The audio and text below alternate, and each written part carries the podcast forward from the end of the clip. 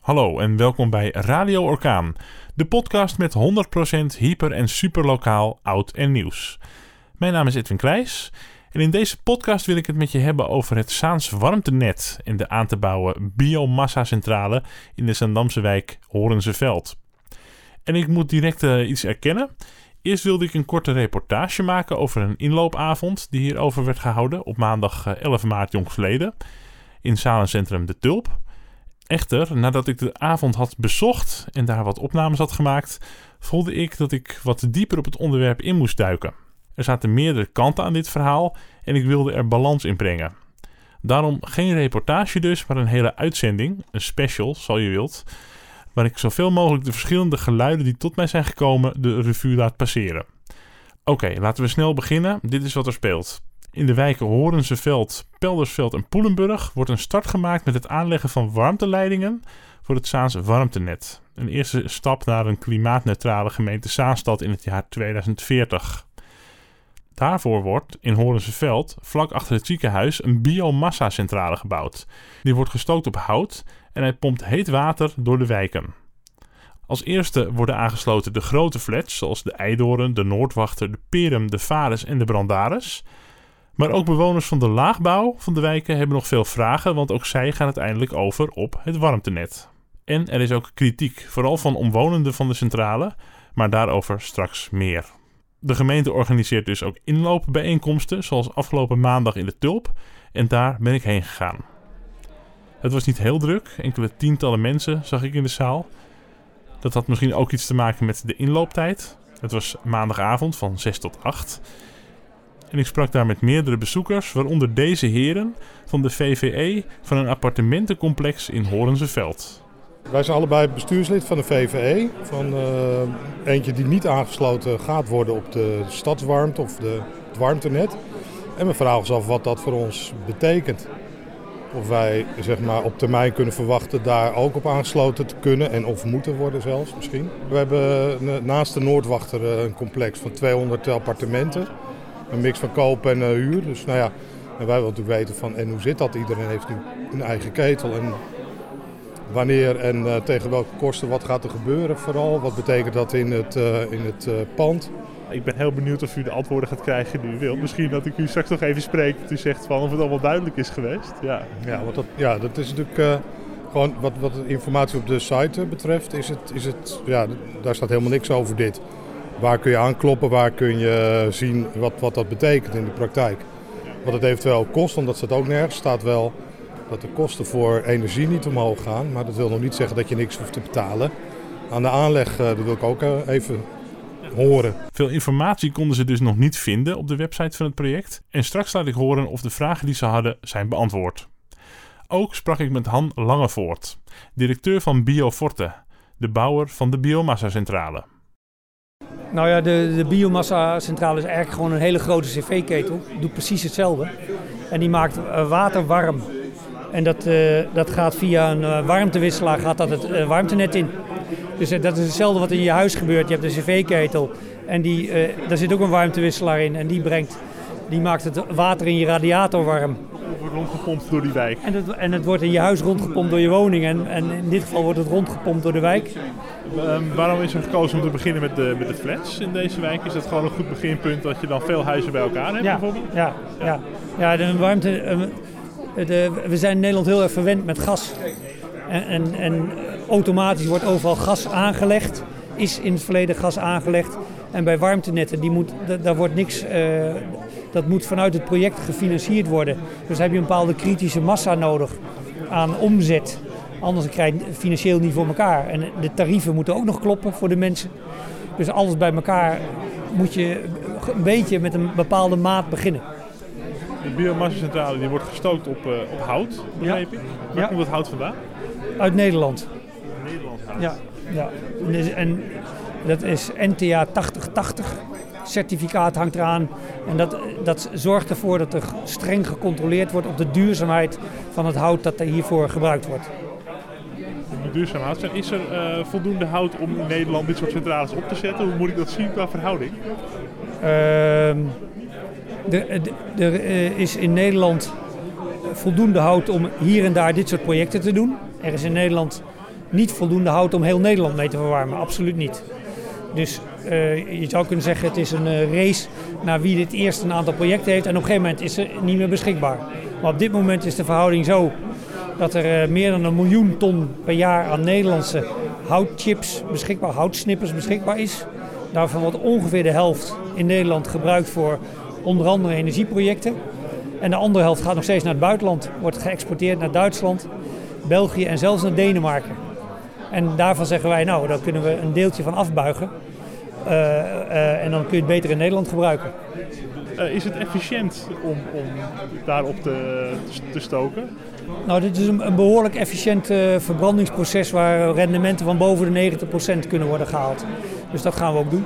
Er is eerder een bijeenkomst geweest uh, in de wijk Horenseveld. Ja. En daar was ik niet bij, maar ik heb daar gehoord dat mensen ook vragen hadden over uh, nou, hoe zit dat met fijnstof, met ja. uitstoot. Ja. Wat, is, wat kunt u daarover vertellen? Nou, dat, ja, dat kan ik niet op de radio laten We kunnen het omschrijven, u heeft een schaal knikkers. Sorry? U heeft een schaal met knikkers. Ja, met 200 knikkers erin. Ja. En wij voegen daar, dat is de bestaande concentratie aan fijnstof die er in Zaanstad zo in zijn algemeenheid in de lucht zit. En ter hoogte van de Eidoorn voegen wij daar één knikkertje aan toe op de 200. Dus wij, uh, de, de fijnstoot uitstoot neemt een heel klein beetje toe. En dat een half procent zeg maar uh, toe. Ja, een half procent toe, klopt.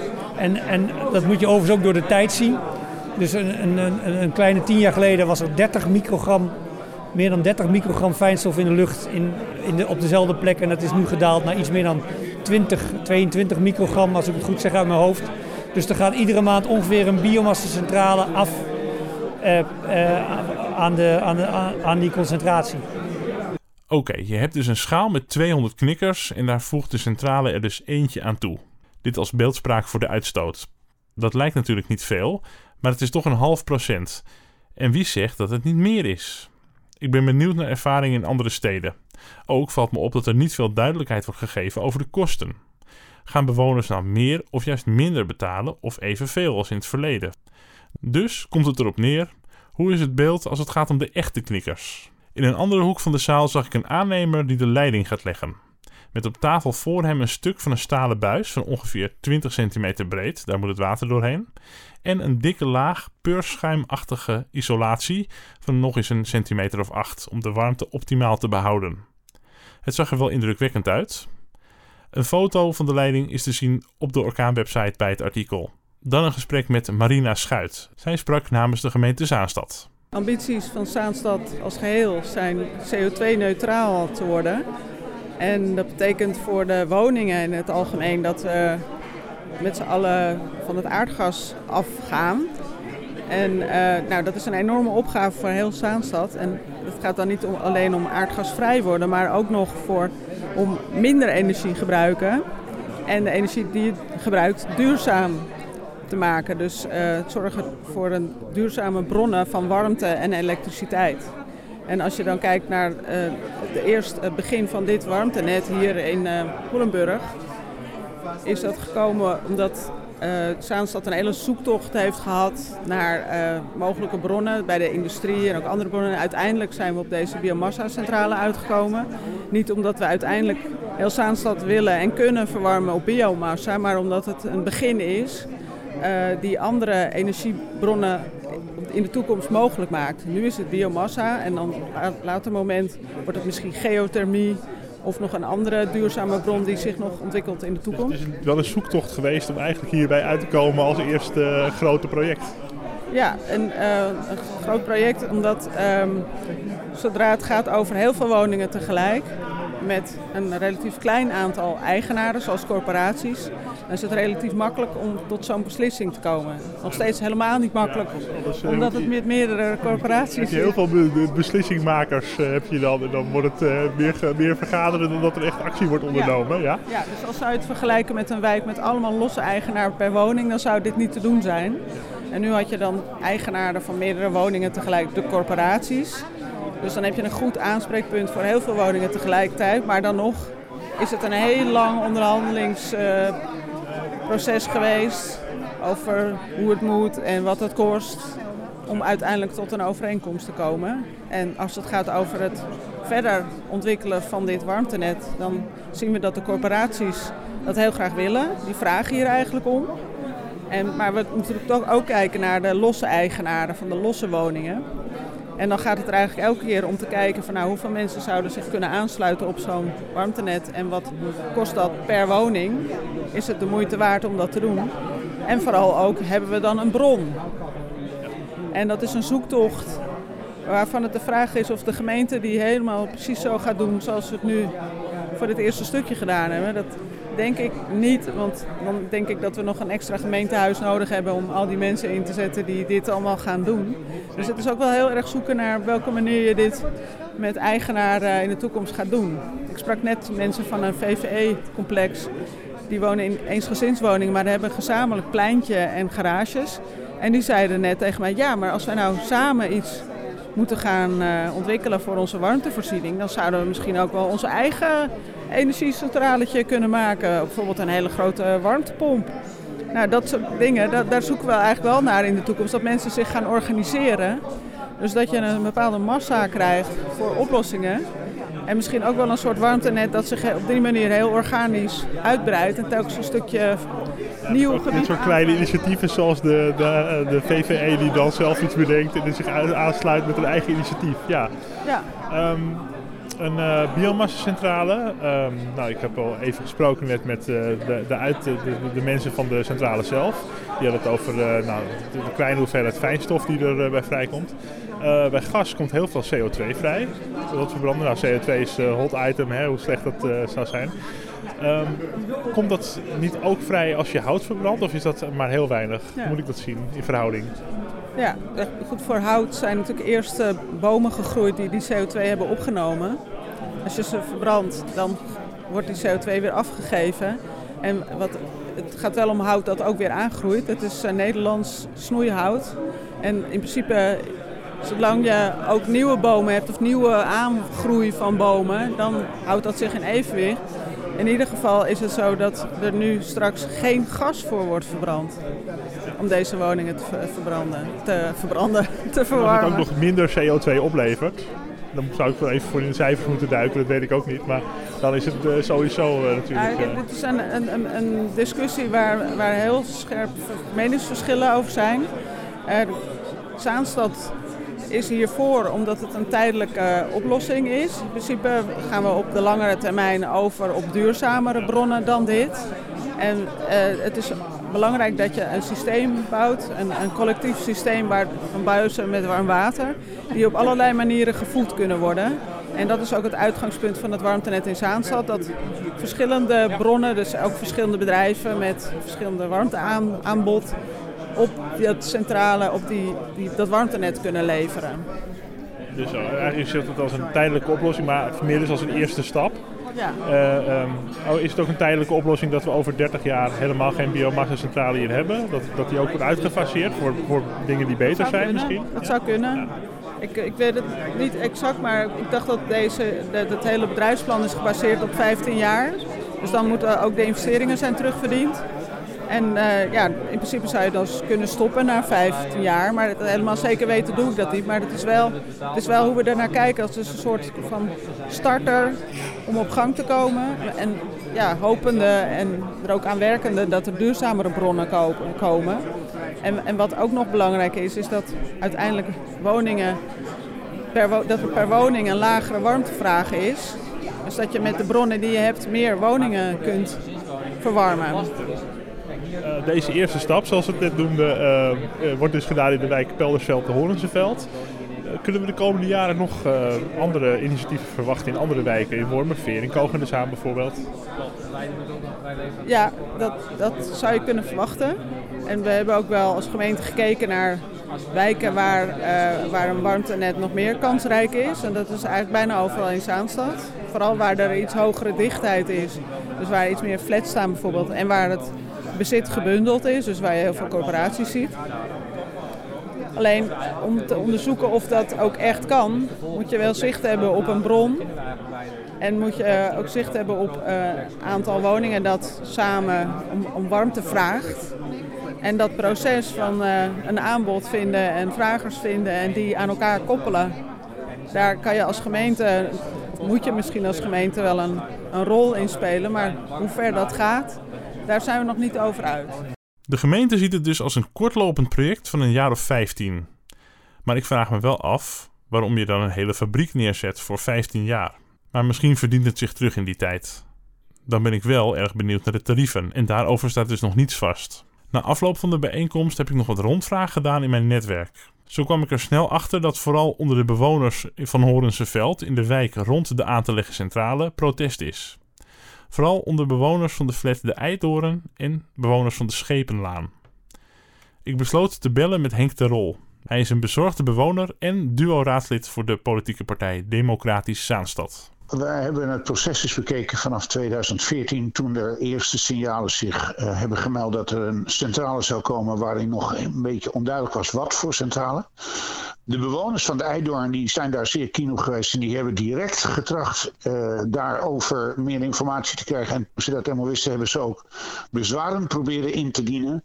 En die zijn eigenlijk structureel afgewezen omdat er nog geen besluit was genomen. Toen uh, hebben wij uh, zeg maar vernomen dat in uh, Q3 van vorig jaar er wat ontwikkelingen waren en plotsklaps waren daar plots de beslissingen van dat er een biomassacentrale kwam. Nou, toen is zeg maar de bewoners Eidoorn, maar ook de Pascal College en het Zuiderzee College op de hoogte gebracht van de ontwikkelingen. En daar is op basis van de toenmalige kennis en inzichten, is daar voor zich zeggen, niet echt op gereageerd. De Eidoornbewoners hebben direct stevig in gang gezet: dit is onacceptabel, omdat die onmiddellijk een huiswerk hebben gedaan. Er is een bewonerscommissie. En er is een zekere meneer Meester, die hebben enorm veel informatie verzameld en die hebben een tijdlijn aangelegd wat de gemeente niet heeft gedaan en eigenlijk haar informatieplicht naar de omstandig niet op een correcte manier heeft ingevuld. Ze hebben hun huiswerk gedaan, zegt u, maar wat zijn de voornaamste bezwaren? vooral voor de mensen die dan daarnaast in de Eidoorn wonen? Nou, de, uit, de uitstoot, zeg maar op basis van alle informatie die de, laat ik zeggen, die Bioforte heeft geleverd als zijnde de leverancier en de bouwer, op basis van een zelfgemaakt onderzoek waarin eh, zeg maar zogenaamd aangetoond wordt dat er geen uitstoot is en dat ze alle zeg maar richtlijnen uh, en de zeg maar de noem het maar, de verplichtingen die, die komen zijn na. Dat is ook onderzocht door het uh, Noordzee, uh, de omgevingsorganisatie die hier in Zandam zit voor het Noordzeegebied. en, en daaruit blijkt dat zij zich aan de normen houden. De bewoners die zeggen nee, dat klopt niet. En dan is er nog een tweede aspect. Pascal College heeft via een adviesbureau uh, samen in een hongerzitting laten melden dat er giftige stoffen uit de pijp komen. En dat was een extra reden om zeer zorgelijk te zijn. Ja, en um, de, wat ik begreep is dat er een half, um, een half procent fijnstof wordt toegevoegd aan de lucht. Um, dat het dus zou meevallen. Maar de, ja, ik, ik ben nu heel erg benieuwd eigenlijk naar wat, wat voor stof is dat? Hoe zit het met stank bijvoorbeeld? Hè? Nou, even over de stank. Uh, dat kunnen we pas. Mee, ik weet in ieder geval uit andere centrales dat afhankelijk van wat men verbrandt, er ja of nee geurproblemen komen. De, omgevingsdienst Noordzeekanaal heeft daar overigens ook een uitspraak over gedaan dat het nog steeds binnen de normen blijft. En naar onze mening, als je kijkt naar de ontwikkelingen die zowel in Europa als in Nederland plaatsvinden, zie je dus dat er op een aantal niveaus die normen voorzichtig worden bijgesteld en dus nauwer worden gemaakt. Maar dat is even het, een, een, een van de facetten. Het gaat mij meer om de, of ons meer om de, het proces dat plotsklaps er enorm snel wordt doorgepakt. Pakweg 2,5 week, drie geleden is er uh, begonnen met bouwen. En wij denken dat dat niet correct is in de procedure dat je mensen moet meenemen en draagvlak moet creëren in de buurt. Ja, dus de, de buurt is daar ook niet voldoende in meegenomen voor uw gevoel? Nou, dat is geen gevoel, dat is zeker. Er wordt nu een soort inhaalslag gedaan. In basis van de tulp waar u zelf bent geweest, wordt er nu getracht de bewoners op de hoogte te brengen van wat er eigenlijk op hun afkomt. Nou, wij vinden, en de gemeente heeft daar zogenaamd het bekende participatieproces benoemd is naar onze mening niet correct uitgevoerd, want is via de huis- en huisladen, nou ik hoef u niet uit te leggen hoe huis- en huisladen in algemene zin uh, wat minder zorgvuldig worden doorgenomen door bewoners. En soms zijn ze ook niet goed worden bezorgd. En dat heeft dus dan te maken dat sommige mensen er niet van wisten. En pas sinds kort er wat publicaties zijn geweest, mensen op de hoogte zijn van dat er een biomassa bij hun om de hoek komt. Nou, ik heb getracht, een, naar aanleiding van een gesprek met een van de schooldirecties, een soort overzichtdocument te maken waar allerlei linkjes zijn. En voor het geval u dat wil, stuur ik u dat graag toe. Mensen kunnen zich trouwens ook uitstekend zeg maar, eh, oriënteren op een Facebookpagina waar eh, regelmatig elke dag bijna postings plaatsvinden over de minder goede effecten van de biomassa. En dan hoeven ze alleen maar biomassa in te tikken.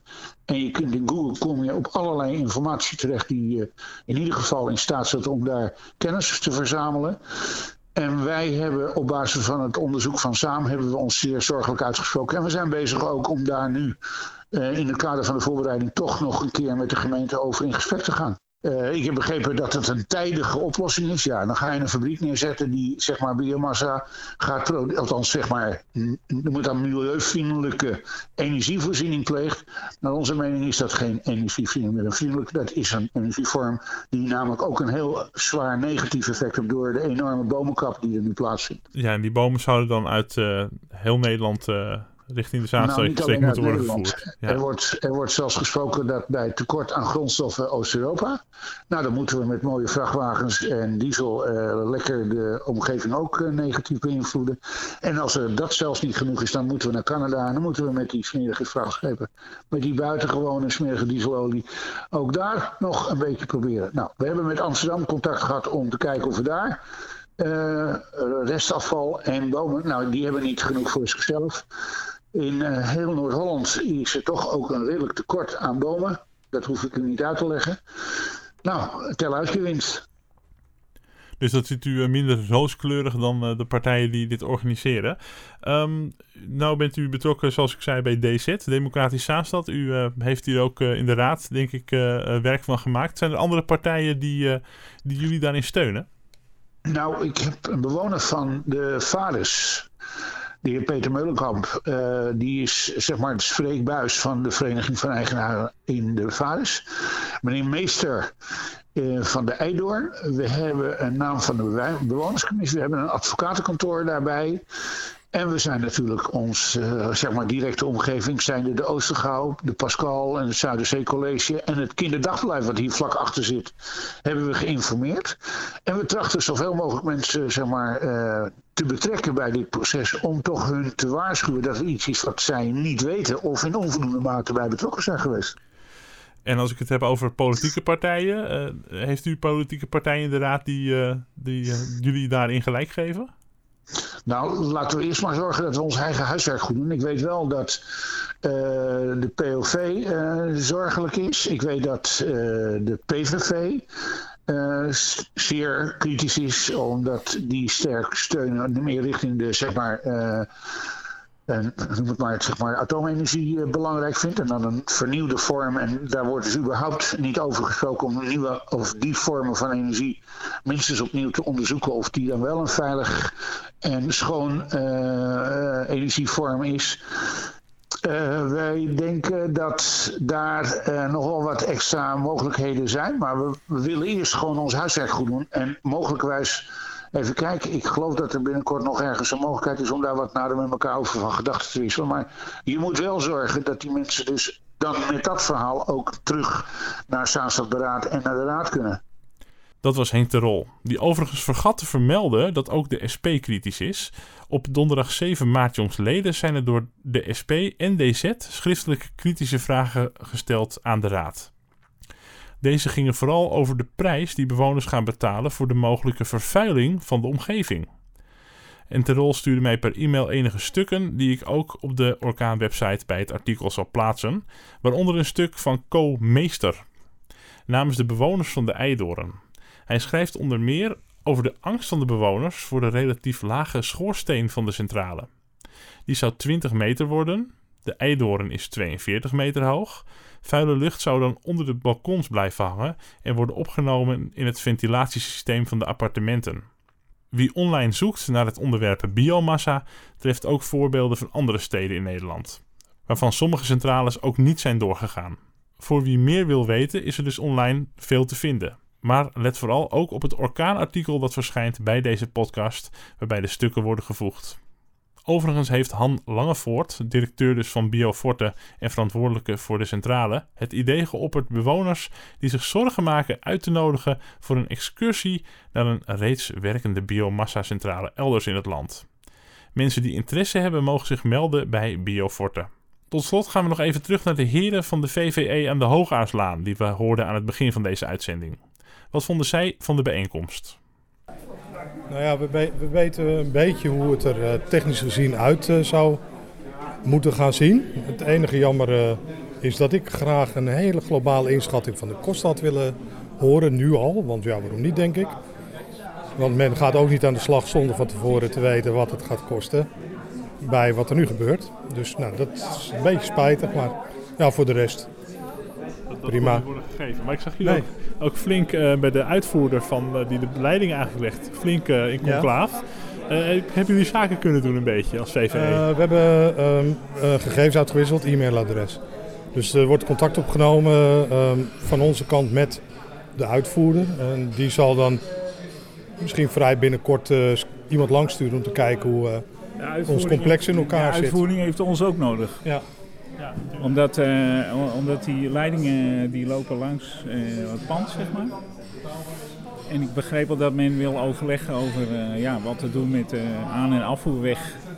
Die, Afsluiten van de straat. Het is een doodlopende straat waar de hoofdingang van ons complex een beetje zit. En de parkeergarage. Dus daar moet ook nog even iets op gevonden worden. Maar ik denk dat dat een heel klein probleempje is. Vergeleken met de rest. Zijn verder alle vragen beantwoord? Wel, behalve dus financiële aspect had ik iets meer willen weten. Nou, eind uh, van dit jaar moet het dan in de flats uh, van kracht gaan, de, deze nieuwe warmte, dit warmtenet.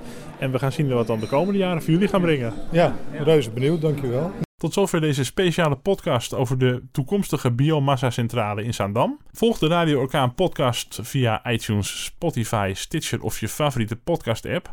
Deel hem of luister via de Orkaanpagina op soundcloud.com.